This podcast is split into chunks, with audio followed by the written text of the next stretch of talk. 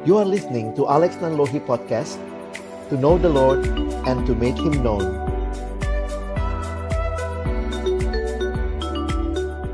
Baik teman-teman sekalian, mari sebelum kita membaca merenungkan firman Tuhan Kita bersatu di dalam doa, kita berdoa. Bapa di dalam surga, kami bersyukur, berterima kasih buat kesempatan yang Tuhan berikan bagi kami untuk bersekutu, memuji, memuliakan namamu. Dan tiba waktunya untuk kami membuka firman-Mu, kami mohon ya Tuhan, biarlah waktu kami membuka firman-Mu, bukalah juga hati kami, jadikanlah hati kami seperti tanah yang baik, supaya ketika benih firman Tuhan ditaburkan, boleh sungguh-sungguh berakar, bertumbuh, dan juga berbuah nyata di dalam kehidupan kami. Berkati hambamu yang menyampaikan, setiap kami yang mendengar, Tuhan tolonglah kami semua, agar kami bukan hanya jadi pendengar-pendengar firman yang setia, tapi mampukan dengan kuasa dari rohmu yang kudus, kami dimampukan menjadi pelaku-pelaku firmanmu di dalam kehidupan kami. Bersabdalah ya Tuhan, kami umatmu sedia mendengarnya dalam satu nama yang kudus, nama yang berkuasa, nama Tuhan kami Yesus Kristus. Kami menyerahkan pemberitaan firman-Mu. Amin. Ya, teman-teman yang dikasihi Tuhan, bersyukur boleh ketemu kembali dengan teman-teman sekalian.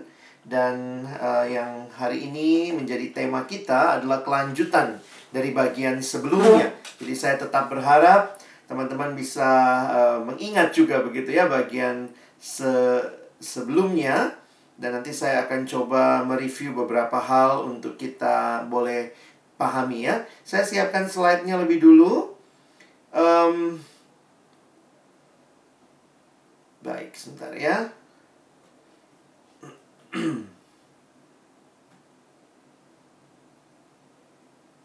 Oke.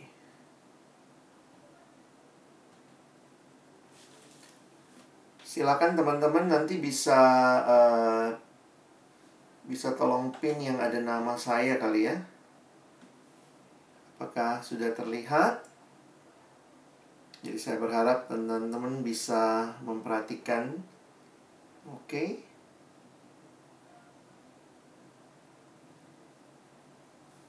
Apakah terlihat slide-nya?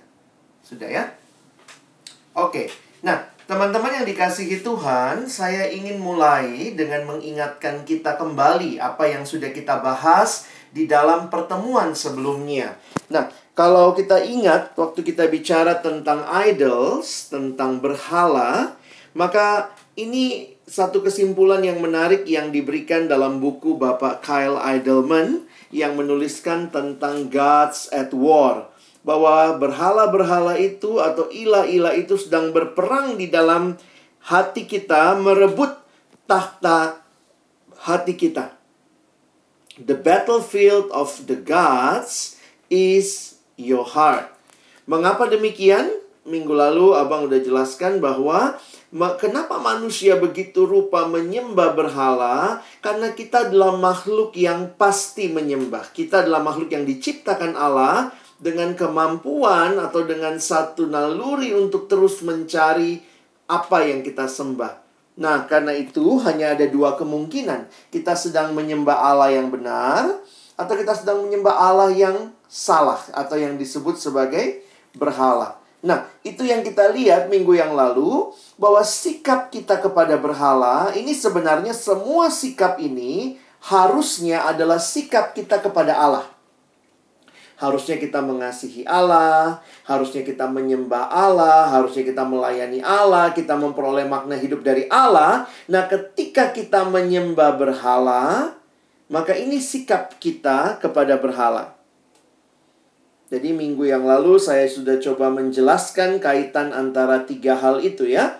Antara hati, antara penyembahan, dan cinta. Nah, ini kesimpulan yang dibuat oleh uh, James K. A. Smith dalam buku yang dia tulis You Are What You Love. Dia dia mengatakan you need to curate your heart. Kamu harus teliti atau kamu harus menyelidiki hatimu. You need to worship well because you are what you love and you worship what you love. Jadi, teman-teman, pemahaman dasar ini penting sekali. Kenapa? Seperti minggu lalu yang Abang bilang, kalau kita bisa tahu persis masalah kita apa, maka penyelesaiannya juga tentunya akan tepat. Kalau kita tidak tahu masalah utamanya, maka semua hal yang kita lakukan hanya akan mengatasi hanya ada yang ada di permukaan saja. Nah, jadi misalnya kita lihat, wah ini rumah kebakaran ya, kita terus semprot bagian yang terbakar, tapi kan harusnya yang paling utama adalah cari di mana, dari mana nyala apinya. Nah, sumbernya itu biasanya yang harus kita uh, selesaikan. Nah, itu kira-kira cara kita melihat bahwa ternyata ketika melihat kompleksitas kehidupan manusia, bahkan manusia yang jatuh dalam dosa, masalah utamanya adalah masalah hati. Kenapa? Karena di hati kita itu, hati yang harusnya menyembah, hati yang harusnya mencinta, harusnya Allah yang disembah, harusnya Allah yang dicinta, kita tidak sedang mencintai Allah, kita tidak sedang menyembah Allah, kita menyembah yang lain selain Allah. Kenapa demikian? Sekali lagi, karena kita adalah makhluk yang diciptakan oleh Allah untuk menyembah. To worship is human. Kita adalah homo adoramus. Nah, jadi itu semua yang kita sudah bahas minggu lalu. Nah, fokus kita hari ini sebenarnya menjawab pertanyaan ini. Bagaimana supaya kita bisa menggantikan berhala yang kita cintai, yang kita sembah, dan yang sudah kita layani ini. Nah, ini yang abang ingin pada hari ini menolong teman-teman melihat begitu ya, bagaimana kita membangun kehidupan yang mencintai Allah. Nah, ada kalimat yang bilang begini ya, bahwa jatuh cinta itu gampang, ya. Jatuh cinta itu gampang katanya, mudah yang sulit itu bangun cinta. Wah, ini kalau yang lagi berbunga-bunga, lagi pacaran lah gitu ya. Jatuh cinta mah gampang katanya. Yang sulit itu membangun cinta itu. Nah, di sini saya melihat bahwa yang namanya cinta perlu dibangun perlu dipupuk. Suami istri yang sudah menikah sekian lama pun harus terus membangun cinta. Jangan cuma bilang, "Oh, saya jatuh cinta sejak ini uh, istri saya ini mungkin waktu dia masih SMP pertama kali lihat saya jatuh cinta sama dia." Tapi pertanyaannya, apakah saat ini setelah menikah sekian lama masih ada cinta yang membara? Nah, kira-kira seperti itu. Nah, pertanyaan yang sama yang saya harus katakan kepada kita, bagaimana kita mengatasi berhala? Kalau berhala itu kita cintai, kita sayangi, kita sembah, bagaimana kita mengembalikan cinta kita kepada Allah? Nah, ini sebenarnya poin utama yang harus teman-teman dan saya pikirkan untuk mengatasi berhala ini. Nah, seperti topik yang hari ini, menjadi tema kita mencintai Allah. Kadang-kadang kita pikir itu mah udah natural. Saya orang Kristen, dari kecil Kristen. Saya sudah ke gereja tiap minggu, saya melayani. Tetapi sebenarnya pertarungan cinta itu adalah pertarungan seumur hidup selama kita masih diberikan kesempatan hidup oleh Tuhan.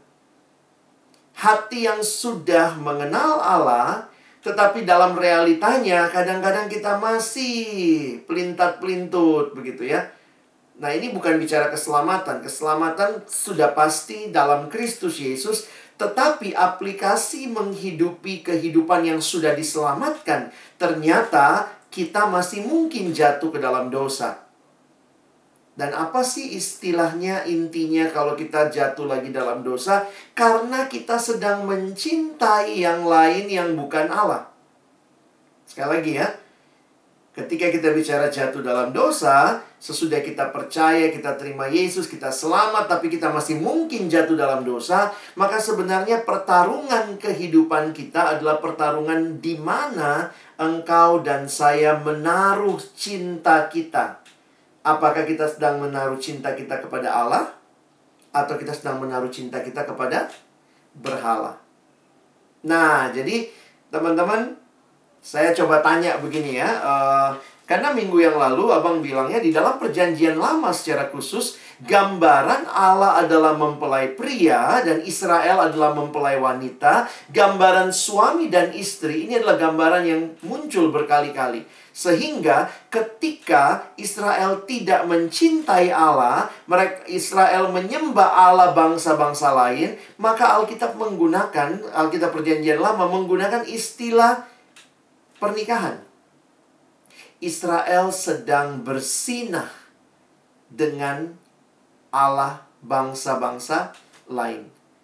Nah, kalau kita masih ingat di dalam kitab perjanjian lama ada satu kitab namanya kitab Hosea di mana di dalam konteks itu Hosea diizinkan merasakan. Wah, ini susah juga ya. Hosea diizinkan merasakan apa yang Allah rasakan ketika yang dicintainya yaitu Israel bersundal bersinah dengan Allah bangsa-bangsa lain. Itu yang terjadi dengan hidup sang nabi. Nabi Hosea ini menikah dengan Gomer. Setelah punya dua anak, ternyata istrinya, atau mungkin kalau kita menggali latar belakangnya, ada yang mengatakan memang mungkin dia adalah pelacur pada awalnya, sehingga dia kembali lagi berzina. Dan ketika itu, Tuhan bilang sama Hosea. Nah, ini kalimatnya menarik ya. Berfirmanlah Tuhan kepadaku, kepada Hosea maksudnya, pergilah lagi Cintailah perempuan yang suka bersundal dan berzina.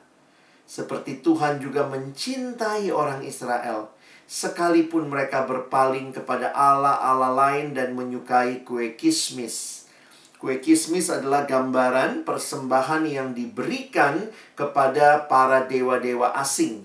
Sehingga di dalam gambaran ini, Tuhan bilang sama Hosea, Hosea, nikahi lagi Pergi lagi, cintai perempuan itu yang suka berzina. Seperti itu gambaran Tuhan tetap mencintai Israel. Nah, teman-teman, pertanyaan paling mendasar sebenarnya kalau kita sudah memahami ini semua, waktu kita bicara berhala, karena ini adalah pertarungan penyembahan, ini adalah pertarungan cinta yang semuanya terjadi di dalam hati, maka pertanyaan yang paling dasar waktu kita bicara tentang hal ini, sebenarnya di mana engkau dan saya menaruh cinta kita? Kepada Yesus atau kepada berhala? Teman-teman, semua akar daripada keberdosaan manusia adalah karena ada yang lain yang kita cinta selain Yesus. Nah, itu yang kalau kita perhatikan, ditolong melalui perjanjian lama dan perjanjian baru bahwa pergumulan utamanya itu ada di dalam hati yang tidak sedang mencintai Allah tetapi hati yang sedang mencintai yang bukan Allah. Dan perhatikan bagaimana Tuhan memberikan kepada kita penyelesaian atas hal ini. Saya harus katakan perjanjian lama menjadi bayangan dari apa yang akan terjadi kemudian di perjanjian baru. Kalau teman-teman memperhatikan Yehezkiel pasal 36, maka Tuhan berkata kepada Israel bahwa satu waktu kelak aku akan mencurahkan air yang jernih untuk mentahirkan kamu. Dan perhatikan kalimat selanjutnya. Nanti bisa cek di Yehezkiel 36 ayat 25. Aku akan memberikan kepadamu hati yang baru. Wow, ini bukan transplantasi hati ya. Tapi ini adalah hati yang totally new. Tuhan memberikan hati yang baru, hati yang akan taat, hati yang akan cinta kepada Tuhan. Dan bagaimana Tuhan memberikannya? Di perjanjian baru sebenarnya inilah yang digenapkan ketika Tuhan Yesus mati bagi kita, Dia mengasihi kita. Dan kasihnya sungguh luar biasa, teman-teman. Kasihnya adalah kasih yang tidak bersyarat, unconditionally. Sehingga ketika engkau dan saya bicara mencintai Allah, ingat, kita hanya mungkin mencintai Allah karena Allah di dalam Kristus yang terlebih dahulu mencintai kita bukan kita yang bisa mengasihi Allah terlebih dahulu. 1 Yohanes 4 menyatakan Allah lah yang terlebih dahulu mengasihi kita. Waktu Allah mengasihi kita, dia menghidupkan kita dari kematian rohani. Tuhan memberikan rohnya yang kudus diam dalam hati kita. Tuhan memberikan kepada kita hati yang baru. Yang bisa dan sanggup untuk taat dengan kekuatan dari Tuhan. Dan karena itulah kita bisa mencintai Tuhan. Jadi teman-teman kalau sekarang kita bicara tema sore ini mencintai Allah, mencintai Tuhan itu bukan karena kita yang sanggup mencintai Allah. Itu terjadi hanya karena Allah yang telah mencintai kita habis-habisan dengan memberikan anaknya Yesus Kristus mati bagi kita.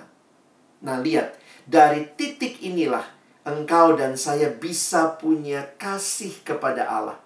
Sekali lagi kalimat Alkitab, bukan kita yang terlebih dahulu mengasihi Allah, tapi Allah yang terlebih dahulu mengasihi kita. Nah, kalau Allah sudah mengasihi kita, sekarang kita mau mengasihi Dia, makanya di dalam Yesus kita bisa menang atas dosa. Di dalam Kristus kita bisa mengalahkan hal-hal yang kita tahu tidak Tuhan senangi. Di dalam Yesus kita bisa punya satu kehidupan rohani yang dibaharui.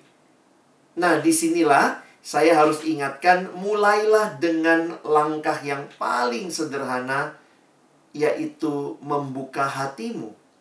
Terima Yesus sebagai satu-satunya Tuhan dan Juru Selamat. Perjalanan kehidupan rohani kita adalah perjalanan makin mencintai Yesus hari demi hari. Ini sebuah perjalanan seumur hidup. Dan dimulai dari kapan? Ya waktu saudara buka hatimu terima Yesus. Sebagai satu-satunya Tuhan dan Juru Selamat. Tapi bukan selesai sampai di situ. Perhatikan ya. Tidak selesai sampai terima Yesus saja. Ketika engkau dan saya mau hidup berkemenangan atas dosa, maka teman-teman dan saya harus masuk dalam kehidupan yang terus menerus mencintai Dia. Ingat, kehidupan kita pertarungannya cinta dan penyembahan yang terus-menerus dalam hati kita. Apa kita sedang mencintai pornografi? Sebenarnya kalau orang jatuh dalam dosa pornografi terus gimana mengatasinya? Saya melihatnya kita mesti lihat akarnya. Ini masalah apa? Ini masalah cinta. Waktu dia mencintai pornografi berarti dia sedang menyembah pornografi dan dia tidak sedang mencintai Allah dan tidak sedang menyembah Allah. Oh, dia jatuh di dia korupsi. Oh, bukan hanya masalah korupsi, tetapi dia jatuh di dalam hati yang mencintai uang lebih daripada mencintai Allah. Dan mencintai uang, dia tidak pernah merasa cukup. Itu kalimat dalam kitab pengkhotbah. Siapa yang mencintai uang tidak akan pernah puas dengan uang. Tetapi ketika hati kita dipuaskan oleh Kristus, maka kita mengalami cinta yang indah yang akhirnya mengalahkan. Waktu lihat uang kita udah bukannya kita nggak butuh uang tapi kita akan mengatakan no saya tidak akan pakai itu. Kenapa? Saya punya hidup yang sudah puas dengan Kristus sehingga saya tidak butuh uang itu untuk memuaskan hidup saya. Nah ini balik lagi. Masalahnya apa? Bukan cuma sekedar masalah dosa itu di permukaannya tetapi apa akar yang terdalam adalah hati yang tidak sedang tidak mencintai Allah jadi saya harap teman-teman ngerti dulu nih ya. Battle, the real battle is about the love battle, the worship battle inside our hearts. Nah, karena itu, sekarang perhatikan.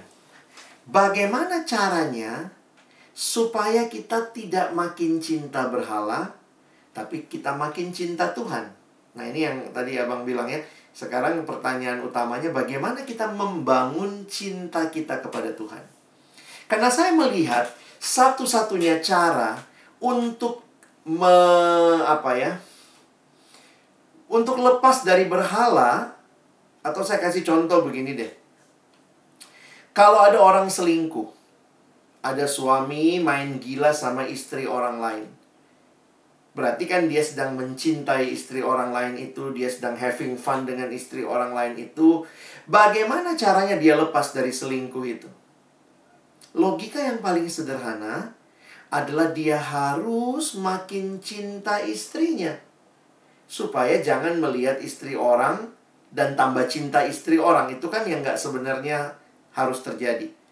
Jadi secara sederhana, bagaimana mengembalikan cinta yang tadinya kepada hal yang bukan Allah kembali kepada cinta yang Allah adalah ya alihkan supaya memang kita membangun cinta kita kepada Allah. Nah, bagaimana caranya? Mungkin kamu tanya, iya Bang Sia, saya tahu sih itu teorinya begitu, tapi bagaimana caranya? Mencintai Allah, membangun cinta kepada Allah. Saya pikir ya balik lagi lah ya, sama seperti Eh, kita membangun cinta kepada pasangan kita. Kalau kalian sudah menikah pada pasangan, kalian akan ngerti yang saya jelaskan ya. Tapi yang pertama, ada hal-hal yang harus kita bangun terus. Yang kedua, ada hal-hal yang harus kita buang, yang kita tinggalkan. Mungkin bagi saya nih ya, misalnya saya sudah menikah, saya punya istri, maka apa yang harus saya buang supaya saya tidak makin cinta istri orang? ya saya mesti buanglah foto istri orang dari HP saya. Kalau nggak ada gunanya buat apa? Ada di HP saya foto istri orang, saya simpen. Kadang-kadang saya malam-malam lihat, saya kagumi. Saya harus mengalihkan, no. Itu yang harus dibuang. Saya tidak main-main lagi dengan hal-hal yang bisa membuat saya makin cinta kepada istri orang. Saya akan hapus nomor teleponnya kalau perlu saya blok Gak usah saya kontak-kontak dia lagi. Kenapa? Itu istri orang. Saya nggak akan. Jadi poinnya begini. Makin saya terus nikmati hubungan sama istri orang, ya jangan heran kalau saya makin cinta istri orang. Lalu saya nggak mencintai istri saya. Jadi itu yang mesti dibuang. Ini secara sederhana saja. Kalau kalian terlalu sayang sama pornografi, coba cek lagi HP-mu. Apa sih isinya?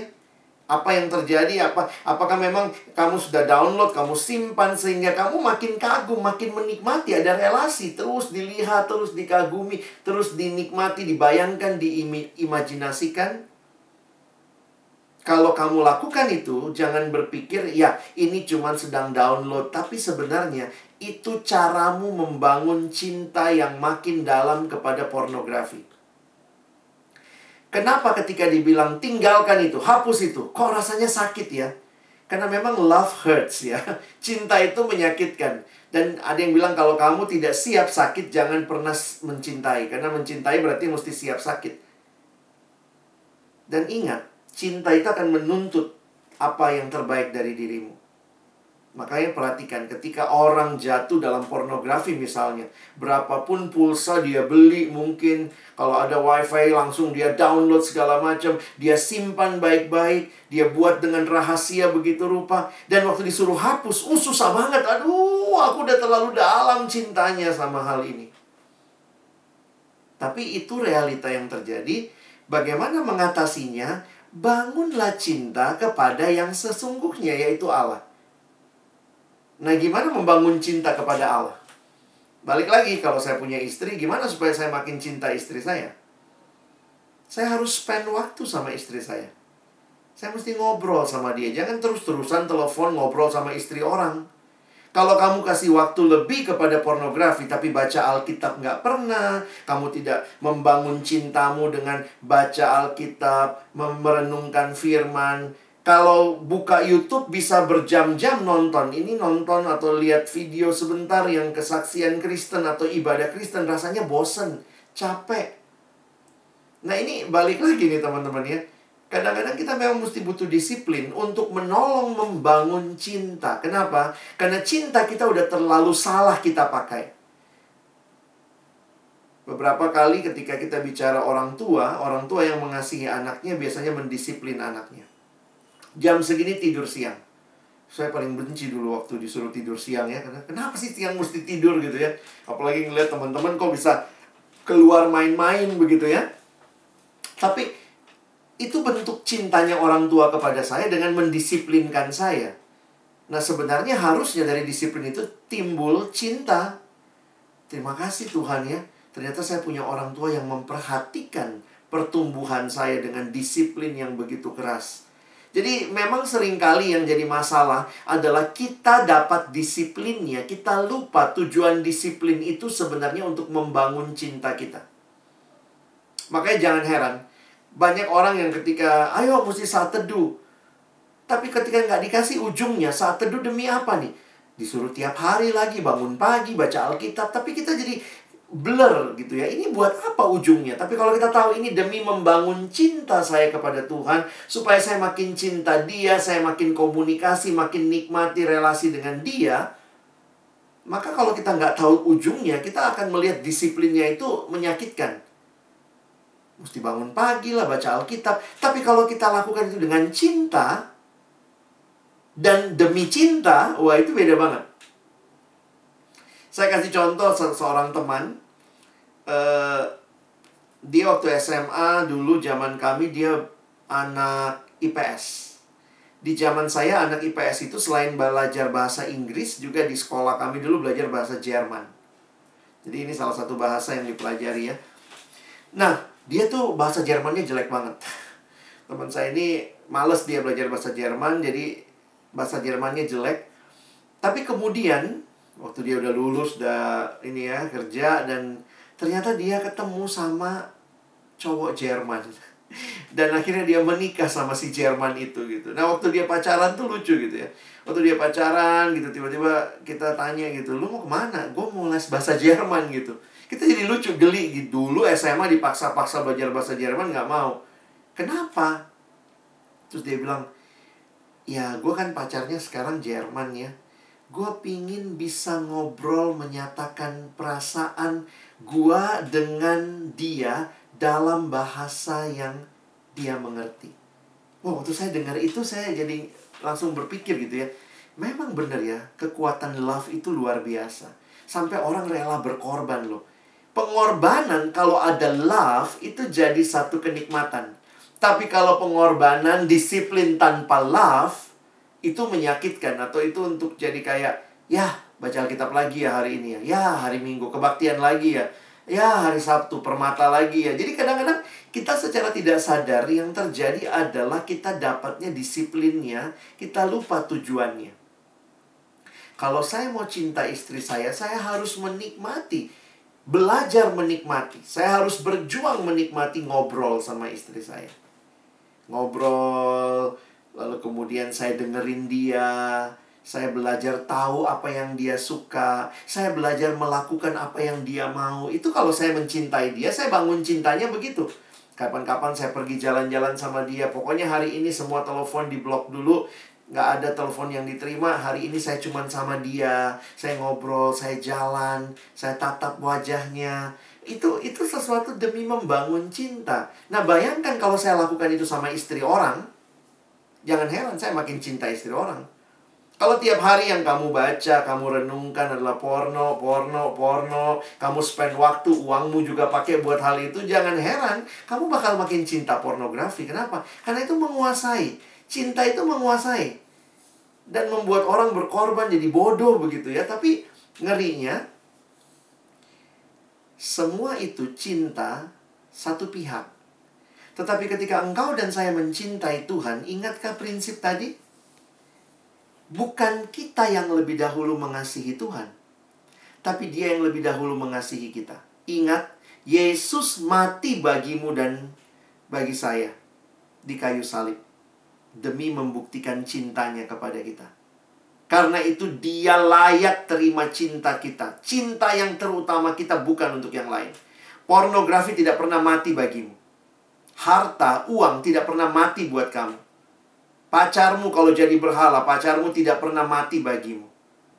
Dia layak mendapatkan cinta, ya, tapi cinta yang se sesuai dengan tarafnya. Jangan jadikan yang terutama. Hal yang baik biarlah tetap baik, jangan jadikan yang terutama. Tapi hal yang terutama, kekristenan berkata, Yesus yang terutama. Dan karena dia mati bagi kita, dia layak terima seluruh cinta kita. Jadi kalau kita masih main-main sama hal lain, sebenarnya itu ya. Saya senang dengan lagu tadi gitu ya. Think about his love, Ingat kasih Tuhan. Kalau kamu ingat kasih Tuhan, langsung bandingkan. Ya ampun, ngapain gua berkorban, memberi diri, memberi waktu begitu dalam sama pornografi yang tidak mati bagiku. Yesus mati bagiku. Aku memberi waktu, memberi semua hidupku untuk uang yang ternyata waktu saya dapat itu saya nggak pernah puas. Uang itu nggak pernah memuaskan hatiku dan uang tidak pernah mati menggantikan aku. Harusnya Yesus yang menjadi segala-galanya karena dia yang telah mencintai aku. Makanya kalau kalian lihat ini beberapa slide terakhir sebelum kita tanya jawab, di dalam Alkitab berkali-kali kalau kita perhatikan nasihat Alkitab itu selalu ada yang dibuang atau ditinggalkan, ada yang dikejar. Ya. Karena selama kita memang masih hidup di dalam dunia, bahkan setelah kita percaya pada Yesus, selalu ada dua tarikan ini. Makanya Paulus bilang sama Timotius, jauhilah nafsu orang muda. Tapi ada yang dikejar. Jangan cuma jauhi nafsu orang muda lalu kemudian diem gitu. Ya enggak ya. Kejarlah keadilan, kesetiaan, kasih, dan damai bersama-sama dengan mereka yang berseru kepada Tuhan dengan hati nurani yang murni. Perhatikan, Timotius diminta ada dalam komunitas. Kejarlah keadilan, kesetiaan, kasih, dan damai dengan siapa? Ya dengan mereka yang memang mengejar itu, yaitu orang-orang yang berseru kepada Tuhan dengan hati yang murni. Berarti hati-hati dengan pergaulan. Pilih pergaulan yang membuat kamu makin cinta Tuhan. Bangun cintamu kepada Tuhan.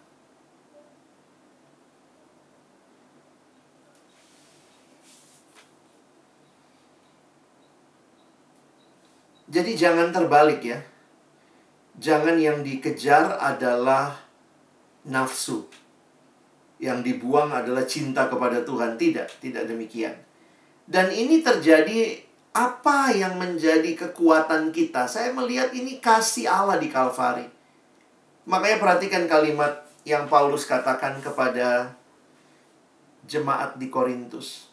Dan Kristus telah mati untuk semua orang supaya mereka yang hidup sekarang tidak lagi hidup untuk dirinya sendiri, tapi hidup untuk Dia. Jadi teman-teman saya melihat bahwa memang bukan kita kok yang lebih dulu mau hidup buat Tuhan. Kita sanggup hidup buat Tuhan hanya karena Dia yang telah terlebih dahulu mencintai kita. Dan karena itulah teman-teman dan saya mari terus bangun cinta kita kepada Dia yang telah menyerahkan seluruhnya bahkan hidupnya bagi kita. Inilah anugerah Allah yang luar biasa. Nah, dari poin inilah saya harap kita sekarang punya kacamata yang baru melihat semua disiplin rohani kita. Contohnya, kenapa sih harus baca Alkitab tiap hari? Kenapa sih harus berdoa? Bayangkan, kalau kamu lakukan itu sebagai disiplin semata-mata, itu jadi memberatkan. Tapi kalau kamu bisa lihat semua hal ini di dalam rangka membangun cinta kepada Allah, wow, itu akan jadi satu hal yang luar biasa. Ini disebut ilustrasi roda. Karena memang gambarnya kayak roda dibuat oleh seorang bernama Dawson Trotman. Bapak Dawson Trotman memberikan gambaran dari kehidupan orang Kristen yang taat. Nah, dia menggambarkan di pusat hidup harus ada Kristus. Ini sama seperti roda ya katanya ya. Kalau kalian lihat roda, sebenarnya roda itu yang muter mananya? Porosnya. Jadi di poros hidup tuh harus ada Kristus. Lalu ada dua jari-jari. Satu jari-jari yang vertikal hubungan dengan Allah yang harus kita bangun, kita miliki. Dan ada yang horizontal hubungan dengan sesama. Yang vertikal saya bicara kepada Tuhan namanya doa. Lalu Tuhan bicara kepada saya melalui firman Tuhan. Makanya itu kan kunci kalau dari sekolah minggu kita udah belajar. Bagaimana bertumbuh adik-adik? Baca kitab suci, doa tiap hari. Kalau mau, tumbuh. Sebenarnya kalau pakai bahasa lain, itu sarana mencintai Tuhan. Bagaimana saya mencintai Tuhan? Ya saya nikmati. Waktu Tuhan bicara, saya dengar. Di mana? Di firman Tuhan. Waktu saya bicara, saya yakin Tuhan dengar. Dari mana itu? Waktu saya berdoa. Jadi ada komunikasi, ada hubungan yang indah dengan Tuhan. Jadi kalau teman-teman bangun pagi baca Alkitab, jangan ya saat teduh lagi. Tapi mari, Tuhan, aku mau bangun cintaku kepadamu. Karena engkau sudah mencintaiku. Hari ini Tuhan mau bicara apa? Sikap kita berubah waktu kita lakukan saat teduh kita, kita lakukan waktu-waktu doa kita adalah satu kerinduan untuk membangun relasi cinta dengan Allah. Bukan hanya itu, ada juga jari-jari yang horizontal. Hubungan dengan sesama. Dia bagi dua. Ke dalam, itu dengan orang-orang percaya, kita harus rajin bersekutu. Dan keluar kepada mereka yang belum percaya, kehadiran kita adalah kehadiran yang bersaksi. Jadi sebenarnya nggak cukup ya. Bagaimana bertumbuh adik-adik? Harusnya baca kitab suci, doa tiap hari, rajin bersekutu, dan giat bersaksi. Jadi ini semua hal yang kita lakukan dengan tujuan apa? Membangun cinta kita kepada Tuhan. Karena dengan kita makin cinta Tuhan, itu obat yang paling mujarab supaya kita tidak mencintai yang bukan Tuhan atau supaya kita tidak mencintai berhala. Jadi saya berharap teman-teman waktu engkau tahu persis apa pergumulanmu kita punya pergumulan masalah hati yang cintanya nggak jelas lagi dipakai mencintai yang bukan Allah maka bangunlah cintamu kepada Allah dengan baca kitab suci, berdoa. Kita bersekutu seperti ini kan sarana membangun cinta kita. Makanya berharapnya setelah kita ibadah, siapa yang makin mencintai Tuhan? Makin mau tinggalkan berhala-berhala mati yang tidak bisa memberikan apa-apa buatmu. Dan berikan hidupmu sepenuhnya pada Yesus yang bahkan sudah mati bagimu. Perlu diagnosa yang tepat untuk penanganan yang tepat. Jadi kalau kalian sudah tahu apa masalahnya, maka hari ini mari bangun hati yang makin mencintai Tuhan. Melalui semua disiplin rohani ini, biarlah cintamu kepada Tuhan makin terbangun. Kiranya Tuhan menolong kita, bukan hanya jadi pendengar firman, tapi boleh jadi pelaku-pelaku firman. Amin. Baik, teman-teman, saya beri waktu kalau ada yang mungkin ingin bertanya, baik dari sesi yang minggu lalu maupun dari sesi hari ini, Abang persilahkan kita bisa diskusi, kita bisa tanya jawab dalam waktu yang masih ada. Nanti pengurus kasih tahu aja kapan harus berhenti ya. Silakan. Oke, Bang Alek. Makasih Sama-sama. firmannya.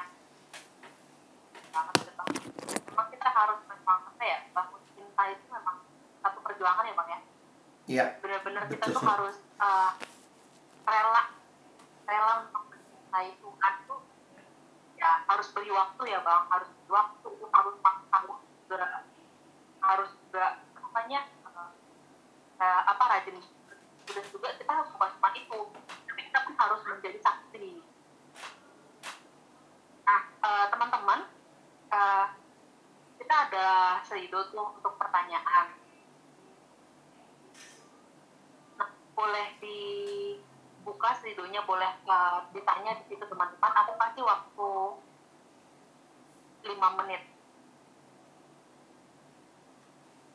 Dia nanya nih, Bang, cara sederhana kita untuk uh, mencintai Tuhan mana ya? Cara apa, Dek? Sorry, bisa diulang? Cara sederhana kita untuk bisa mencintai Tuhan. Di mana ya? Itu yang saya jawab tadi. Kita mencintai Tuhan hanya kalau kita terlebih dahulu sudah terima cintanya Tuhan. Karena Alkitab bilang, bukan kita yang lebih dahulu mengasihi Tuhan, tapi Tuhan yang lebih dahulu mengasihi kita. Berarti pastikan apakah kamu sudah menerima Yesus dalam hidupmu. Nah, sesudah itu, barulah kamu bisa mencintai Tuhan dan bentuk-bentuk yang sederhana. Nah, sebenarnya di dalam tradisi gereja, nah saya coba masuk sedikit kepada bukunya James K. A. Smith ya. Saya mungkin pakai bahasa tadi disiplin rohani. Kalau James K. A. Smith itu dia coba dalam buku You Are What You Love, dia mengkaitkan karena kan kita ini manusia makhluk yang menyembah. Nah, dia menarik, dia pakai pemahaman begini Orang yang menyembah pasti punya liturgi. Benar nggak? Kita kan kalau kebaktian ada liturgi ya. Nah, nah dia mengatakan begini. Sebenarnya setiap kita tuh waktu kita sedang menyembah sesuatu ada liturginya. Nah, dia mencoba mengajak kita perhatikan liturgi-liturgi hidup kita.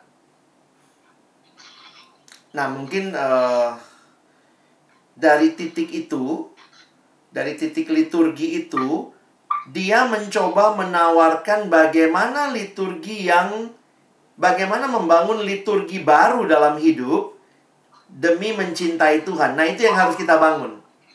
Nah, tadi langsung Abang masuk ke hal-hal yang kita lakukan membangun liturgi itu yaitu dengan adanya misalnya bangun pagi, baca Alkitab, kita berdoa, itu sebenarnya upaya membangun liturgi yang baru demi mencintai Tuhan. Karena apa? Karena dalam penyembahan selalu ada liturgi. Uh, mungkin saya jelaskan sedikit ya. Ini menarik sekali caranya James K. Smith melihat. Dia mengatakan begini, buat kamu yang ter terjebak pornografi, sadarkah pasti ada liturginya? Saya juga bingung waktu awalnya ada liturgi. Dia bilang pasti kan pertama kamu buka pornonya. Tapi sebenarnya sebelumnya pasti ada suasana yang terjadi. Misalnya dia mengatakan begini, orang jatuh dalam dosa-dosa tertentu itu biasanya dua kemungkinan jamnya rada-rada sama atau yang kedua suasananya sama. Jadi saya pernah nanya nih ya, uh, pernah satu waktu lah ada saya abang langsung cerita aplikasi ya biar kalian bisa ngerti apa yang dimaksud dengan liturgi. Satu waktu ada satu mahasiswa telepon saya dan dia minta tolong abang tolong saya saya lagi terjebak pornografi sudah cukup lama saya udah nggak tahu lagi bang bagaimana saya keluar begitu dan segala macam dia sangat desperate lah lalu kemudian saya coba pakai teorinya James K. Smith nah saya tanya sama dia kamu jatuh dalam pornografi itu jam berapa biasanya dia kan kaget waktu saya tanya gitu kok abang nanyanya jam karena teorinya gitu, liturgi. Kamu ke gereja, kalau kita mau ibadah ke gereja, ada liturginya. Misalnya jam berapa mulai uh, IP-nya. Misalnya ibadah permata mulai jam 5 sore, jam 4 sore. Maka kamu akan masuk jam 4 kan? Kamu nggak mungkin masuk jam 7 setelah orang udah pulang semua. Jadi sebenarnya bisa ditanyakan tuh. Pertama saya tanya sama dia, jam berapa kamu biasanya jatuh? Dia bilang, kok abang nanya jam? Saya bilang, coba coba jawab aja. Biasanya kamu jatuh kira-kira jam berapaan? Oh iya juga sih bang, saya biasanya jatuh jam 3 sore. Jadi karena dia mahasiswa, jadi menariknya keterlibatan dalam dosa itu adalah membentuk liturgi-liturgi baru tergantung dengan apa yang kita lakukan dalam dosa apa. Nah, bisa jadi saya bilang oke, okay, jamnya kira-kira jam 3. Kamu sering jatuhnya kira-kira jam 3. Iya sih Bang, kira-kira jam segitu. Yang kedua, kalaupun tidak jam 3, ada nggak situasi tertentu yang membuat kamu jatuh? Terus dia bilang, e, iya juga ya. Saya biasanya jatuh itu kalau suasananya kosan kosong. Atau dia ngekos, kosan kosong atau kosan tenang. Jadi menarik tuh. Saya makanya saya bilang nih hati-hati kalau kamu sudah punya liturgi, kamu punya liturgi terhadap sesuatu itu ada jamnya. Lalu ada ada ada suasananya. Lalu yang yang berikutnya saya tanya sama dia. Jadi sebelumnya apa yang kamu lakukan? Jadi ternyata liturginya dia begini. Dia ke kampus, dia download karena di kampus internet kencang, dia download di kampus. Setelah download, dia pulang ke rumah, dia nonton, kira-kira dia balik kuliah tuh jam 1, jam 2, sampai di kosan, makanya dia biasanya jatuh kira-kira jam 3. Sesudah menikmati pornografi, masturbasi, lalu kemudian nyesel, dia hapus. Besoknya begitu lagi. Di kampus, liturginya apa? Mulai dengan doa pembukaan. Oh enggak, mulai dengan download, habis download, pulang, pulang, jatuh lagi, habis itu bertobat, aduh Tuhan, ulang lagi besok, hapus lagi, mulai lagi. Jadi itu, lihat ya teman-teman. Worship is our behavior itu bagian kita dan itu membuat liturgi baru. Baik waktunya agak-agak mirip atau suasananya agak mirip. Nah, jadi bagaimana caranya membangun liturgi baru? Karena liturgi itu kan liturgi yang dia dia sudah masuk dalam kebiasaan liturgi itu untuk mencintai pornografi. Nah, saya harus membreak liturgi itu. Saya memberikan dia liturgi baru. Bangun pagi. Coba baca Alkitab. Saya berikan liturgi yang baru buat dia membangun cinta. Karena dia sudah punya liturgi membangun cinta kepada pornografi. Itu mesti di stop. Tapi itu nggak gampang loh. Karena itu secara tidak langsung kita begitu suasana kosan sepi, langsung walaupun kamu nggak lihat apa-apa, bisa terangsang loh. Karena apa? Sudah ada liturgi yang dibuat. Beberapa orang jatuh dalam pornografi dia bilang nggak tahu bang tiba-tiba kalau lagi suasananya begini langsung terjadi dia bukan nggak nggak lihat apa-apa tuh karena udah udah jadi sebuah habit. Jadi kemudian saya bilang sama dia kamu biasanya jatuh jam 3 oke sekarang jam 3 tiap jam 3 selama seminggu itu abang telepon kita doa bersama jam 3 jadi saya membreak liturginya saya masukkan liturgi yang baru dan saya juga telepon dia setiap jam 3 yang biasanya jam-jam dia jatuh dalam dosa. Saya ajak dia untuk kita berdoa sama-sama. Jadi jam yang mencintai Tuhan. Nah karena itu dalam kejatuhan seseorang di dalam dosa, membangun cinta itu mungkin kamu tidak bisa sendiri. Kamu butuh komunitas. Ada pembimbing rohani, ada teman-teman yang menolong kamu membangun cintamu sama Tuhan. Jadi eh, bangunlah suas apa liturgimu untuk mencintai Tuhan. Kalau dengan yang paling sederhana saya bilang tadi ya baca kitab suci, doa tiap hari, rajin bersekutu dan giatlah bersaksi. Kira-kira bisa nangkep?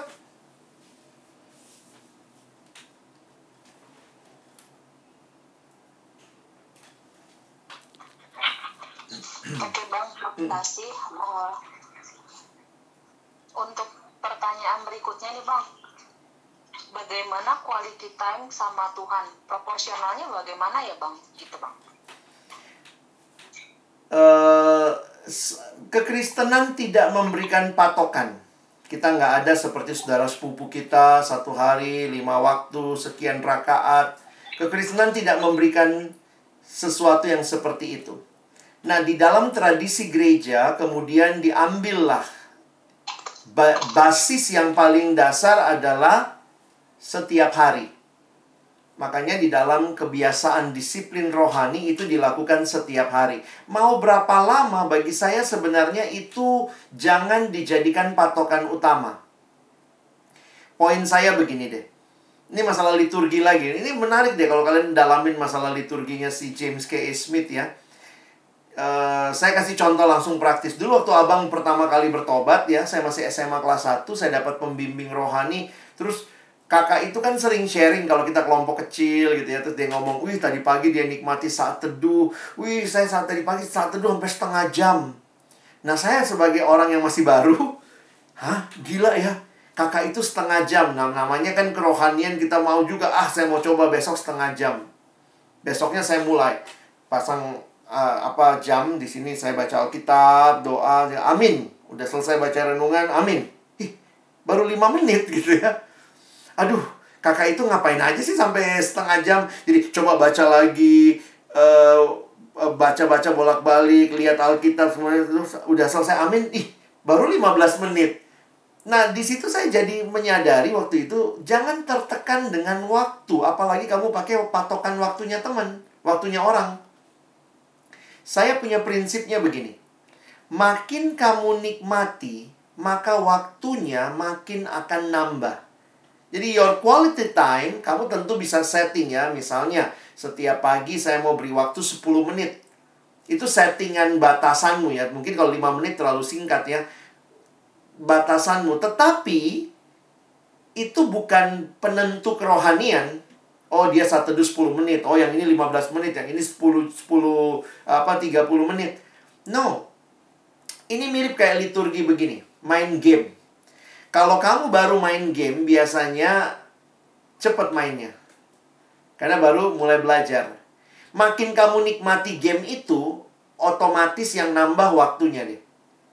Jadi itu poinnya saya. Jadi kalau kamu makin menikmati relasi dengan Tuhan, otomatis waktunya akan nambah. Abang inget banget dulu main di HP apa tuh? Flappy Bird. Flappy Bird itu saya paling kesel mainnya karena saya paling dua apa tiga mati, dua apa tiga mati gitu ya. Terus saya lama-lama coba terus, coba terus.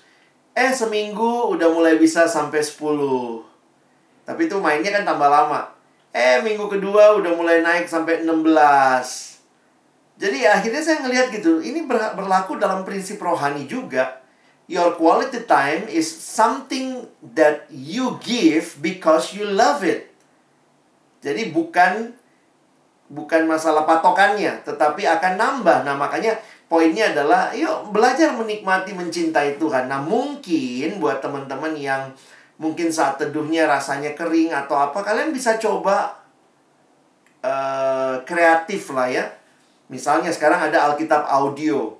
Jadi waktu baca Alkitabnya mungkin kamu nggak baca, tapi kamu dengar. Itu kan bisa jadi satu apa ya cara kreatif untuk bisa menikmati firman dengan cara yang tidak membosankan kalau hanya baca misalnya. Jadi uh, belajarlah untuk menggairahkan inilah kalau kamu pacaran kalau kamu tahu itu pacarmu suka, kamu akan berjuang untuk melakukan buat dia. Nah, saya pikir buat Tuhan juga seperti itu. Untuk membangun cintamu, kamu cari cara-cara kreatif supaya waktu ngobrol sama dia nggak ngebosenin begitu.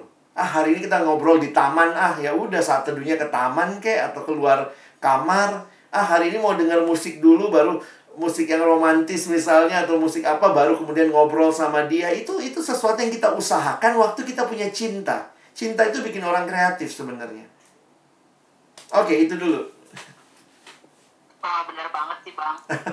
Apa cintanya? Membangun cintanya bang. Tapi memang maksudnya jangan jadikan beban gitu kan ya bang. Maksudnya kayak hmm. kan, kalau baca alkitab tuh kan ada yang aduh capek banget nih bosen gitu kan. Uh, apa namanya ngelihat apa bacanya aja bisa bisa bikin ngantuk. Nah oh. ya tadi bener bang. Uh, ada kan sekarang juga ada tuh ya kan uh, audio. Uh, betul nah, itu jadi membangun diri kita sih untuk bagaimana kita untuk menjadi orang yang rutin dan apa ya bukan jadi hanya sekedar kayak apa ya patok apa kayak yang liturgi yang terbiasa gitu gitu aja tapi Betul. akhirnya benar-benar menikmati dan akhirnya jadinya membiasakan diri gitu. bener banget bang Nah, ini ada lagi nih Bang, ya. pertanyaan ya. Bang. Bang, bagaimana nih jika cinta itu udah hilang Bang? Gitu. Gimana Bang? Balik lagi ya, kalau memang kamu bilang cintanya hilang, itu cinta atau... Poin saya begini sih ya. Coba hayati kalimat Alkitab. Bukan kita yang lebih dahulu mengasihi Allah, tapi Allah yang lebih dahulu mengasihi kita. Aplikasinya apa? Berarti tidak mungkin ada cinta dari kita kepada Allah sebelum Allah mencintai kita dan kita ngalami cintanya. Jadi kalau teman-teman ngomong cintanya hilang, nah ini bagi saya teorinya gimana nih? Apakah kamunya yang belum mengalami cintanya Tuhan sampai kamu tidak bisa mencintai dia? Ataukah kamu bilang kamu pernah mengalami cintanya Tuhan tapi sekarang sulit sekali mencintai dia? Nah, saya melihat itu balik lagi kepada sebuah uh, perjalanan ya. Perjalanan di mana membangun cinta tuh ya ya butuh proses. Uh, jadi gini deh, uh, ada yang pernah tanya sama saya. Oh dia dia cerita, bang, saya lagi stop saat teduh. Kenapa? Saya tanya, kenapa kamu stop saat teduh? Abis belakangan gue kayaknya kehilangan rasa nih jadi gue baca nggak dapat apa-apa. Gue baca nggak dapat apa-apa. Jadi apa yang lu lakuin? Gue berhenti baca. Saya bilang sama dia, kamu baca aja nggak dapat apa-apa. Apalagi berhenti baca, udah pasti nggak dapat apa-apa. Jadi poin saya sebenarnya buat dia, kalau kamu merasa cintamu hilang, terus belajar mencintai terus nikmat terus belajar menikmati hal-hal yang yang kamu tahu itu akan membangun cintamu. Kalaupun sekarang belum berasa, jangan diragukan bahwa seolah-olah kayak ya udahlah gue kayaknya nggak mungkin lagi nih deket sama Tuhan. Gue pokoknya udah Tuhan udah buang gue.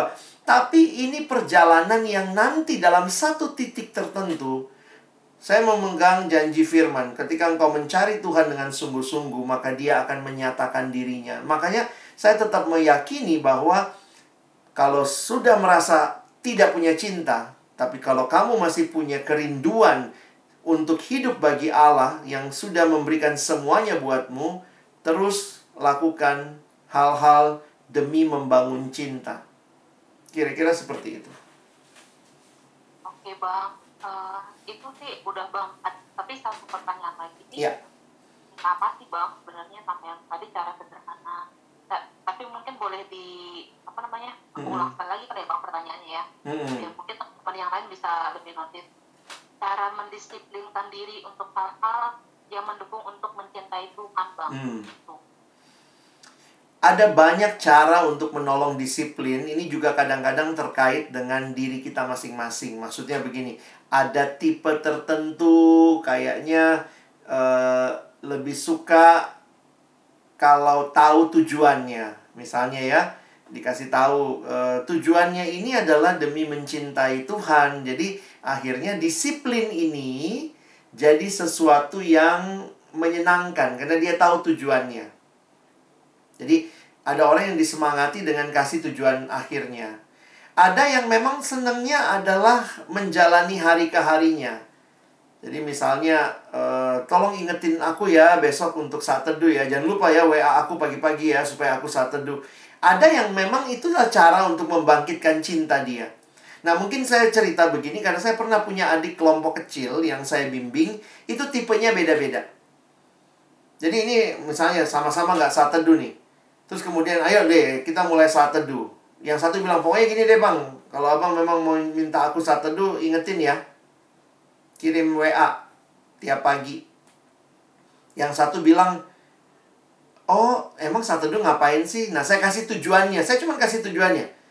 Saya saya nanya sama dia begini, kalau kamu nggak saat teduh, yang rugi siapa? Kamu apa Tuhan?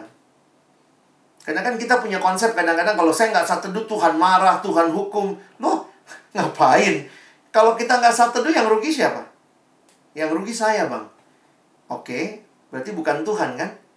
Iya sih ya. Langsung dari situ dia jadi jadi berubah loh. Jadi dia cuma dapat pengertian. Iya ya, saat teduh itu buat saya. Karena yang butuh tuh saya, yang butuh mencintai Tuhan tuh saya, yang butuh dibimbing Tuhan tuh saya. Jadi begitu dia mengerti itu, wow, langsung dia mulai belajar setia saat teduh. Ada lagi yang tadi ya, mesti diingetin, dipaksa. Ada lagi yang mungkin uh, perlu untuk di apa ya? perlu untuk disemangati dengan cara-cara yang lain. Jadi akhirnya saya pikir gini, kamu kenal dirimu. Saya misalnya tipe belajarnya apa? Saya anaknya visual. Ada yang tipe belajarnya auditori. Jadi kenali juga gitu ya. Menyemangati kita. Ada yang bilang, oh satu itu tuh harus baca loh. Kalau kamu ternyata anaknya auditori, kenapa mesti baca? Sekarang ada yang audio juga kok. Bukan berarti nggak baca Alkitab, tetapi mungkin dengan kamu dengar audio, tiba-tiba ih ada kalimat begitu ya? Langsung kamu cari lagi. Oh ada nih ayatnya nih. Ayatnya bilangnya begini. Jadi poin saya akhirnya semangati dirimu untuk mencintai. Karena kamu yang paling tahu bagaimana kamu bisa didorong untuk mencintai. Saya kira-kira seperti itu deh jawabannya makasih bang sama-sama. jawabannya memang sangat benar. Bagaimana kita harus mengenal diri kita dulu. Maksudnya di dalam ingin mengenal Allah tuh kita harus sadar siapa kita diri kita itu bagaimana apa yang menjadi kelebihan dan kekurangan kita. Hmm. dan pada akhirnya memang uh, itu yang akan mendorong kita untuk semakin mengenal dan semakin berjuang. Kalau misalnya memang orangnya memang nggak suka baca bukan berarti nggak nggak bisa nggak bisa melakukan apa Tuhan kan bisa misalnya dia senangnya mendengar atau hmm. dari ya kan di YouTube kan juga banyak gitu makanya kayak uh, cerita-cerita uh, firman Tuhan yang langsung visual juga banyak. Sekarang juga banyak hamba-hamba Tuhan bikin podcast lah ya, karena saya pikir juga iya. mungkin beberapa lebih seneng denger podcast kali gitu ya. Bener banget. Jadi teman-teman jangan lupa follow. Alex Narohi. Banget. Tapi aku juga suka dengerin Pembakti. Iya, terima kasih. Nah, teman-teman yang lain juga dengerin ya. Thank you. Nah, mungkin teman-teman ada lagi nggak di Slido udah habis nih. Mungkin ada yang mau bertanya langsung boleh juga. Jangan Silakan. malu-malu. Ayo, selagi kita ada waktu untuk bertanya, bertanyalah. Gitu. Mana? Ada yang mau bertanya? Novia, Ari, Anastasia, Bran, Christian, Absen ya, sekalian absen ya. Cynthia, De- Bang Dedas, Eki, Enda, Erika, Bang eh, Farel, Bang Gabriel, Indah, Ivana, Kak Jessica, Kesia, Lauret, atau Bang Rama nih. Bang Rama mau nanya kak? Oke, Bang Renaldo, ya ada Vanessa, atau Victor, atau Yesi? Kayaknya sih, ada nih, ada nggak sih? Ada yang mau bertanya? Atau yang mungkin yang sambil apa? Satu satu, satu kayak berdua ada atau kakaknya mau apa? Gak ada ya?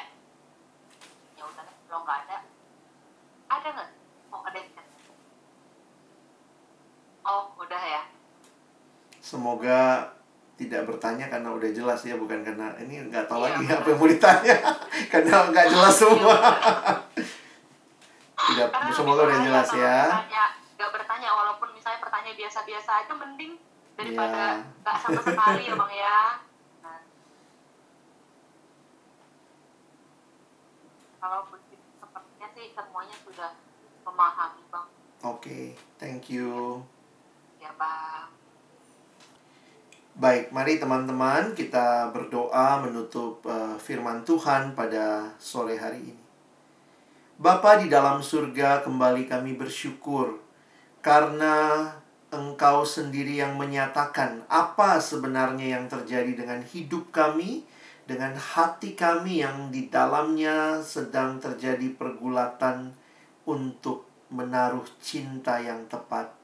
Kami belajar dari firman-Mu, kami harus menjaga hati kami dengan segala kewaspadaan, karena dari situlah terpancar kehidupan. Kalau hati kami sungguh-sungguh mencintai Tuhan, maka kehidupan yang mencintai Tuhanlah yang muncul dari hati kami.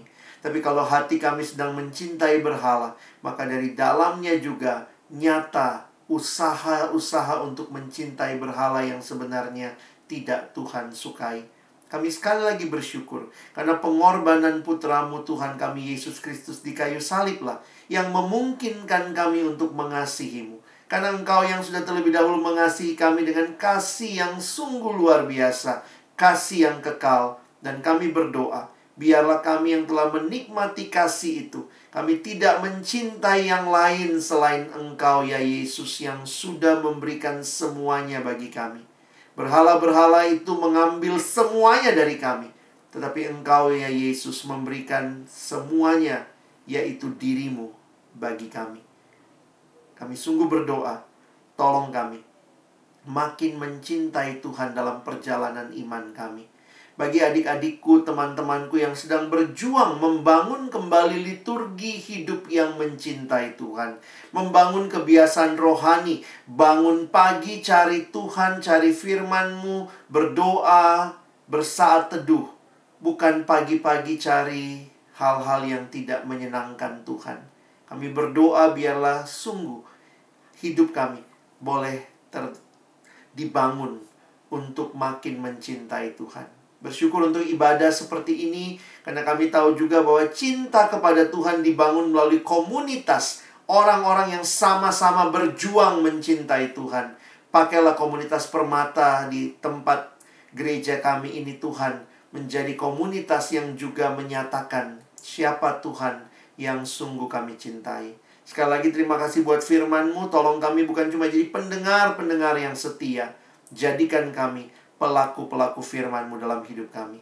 Ini doa kami. Dalam nama Yesus kami sudah berdoa dan bersyukur. Amin. Amin.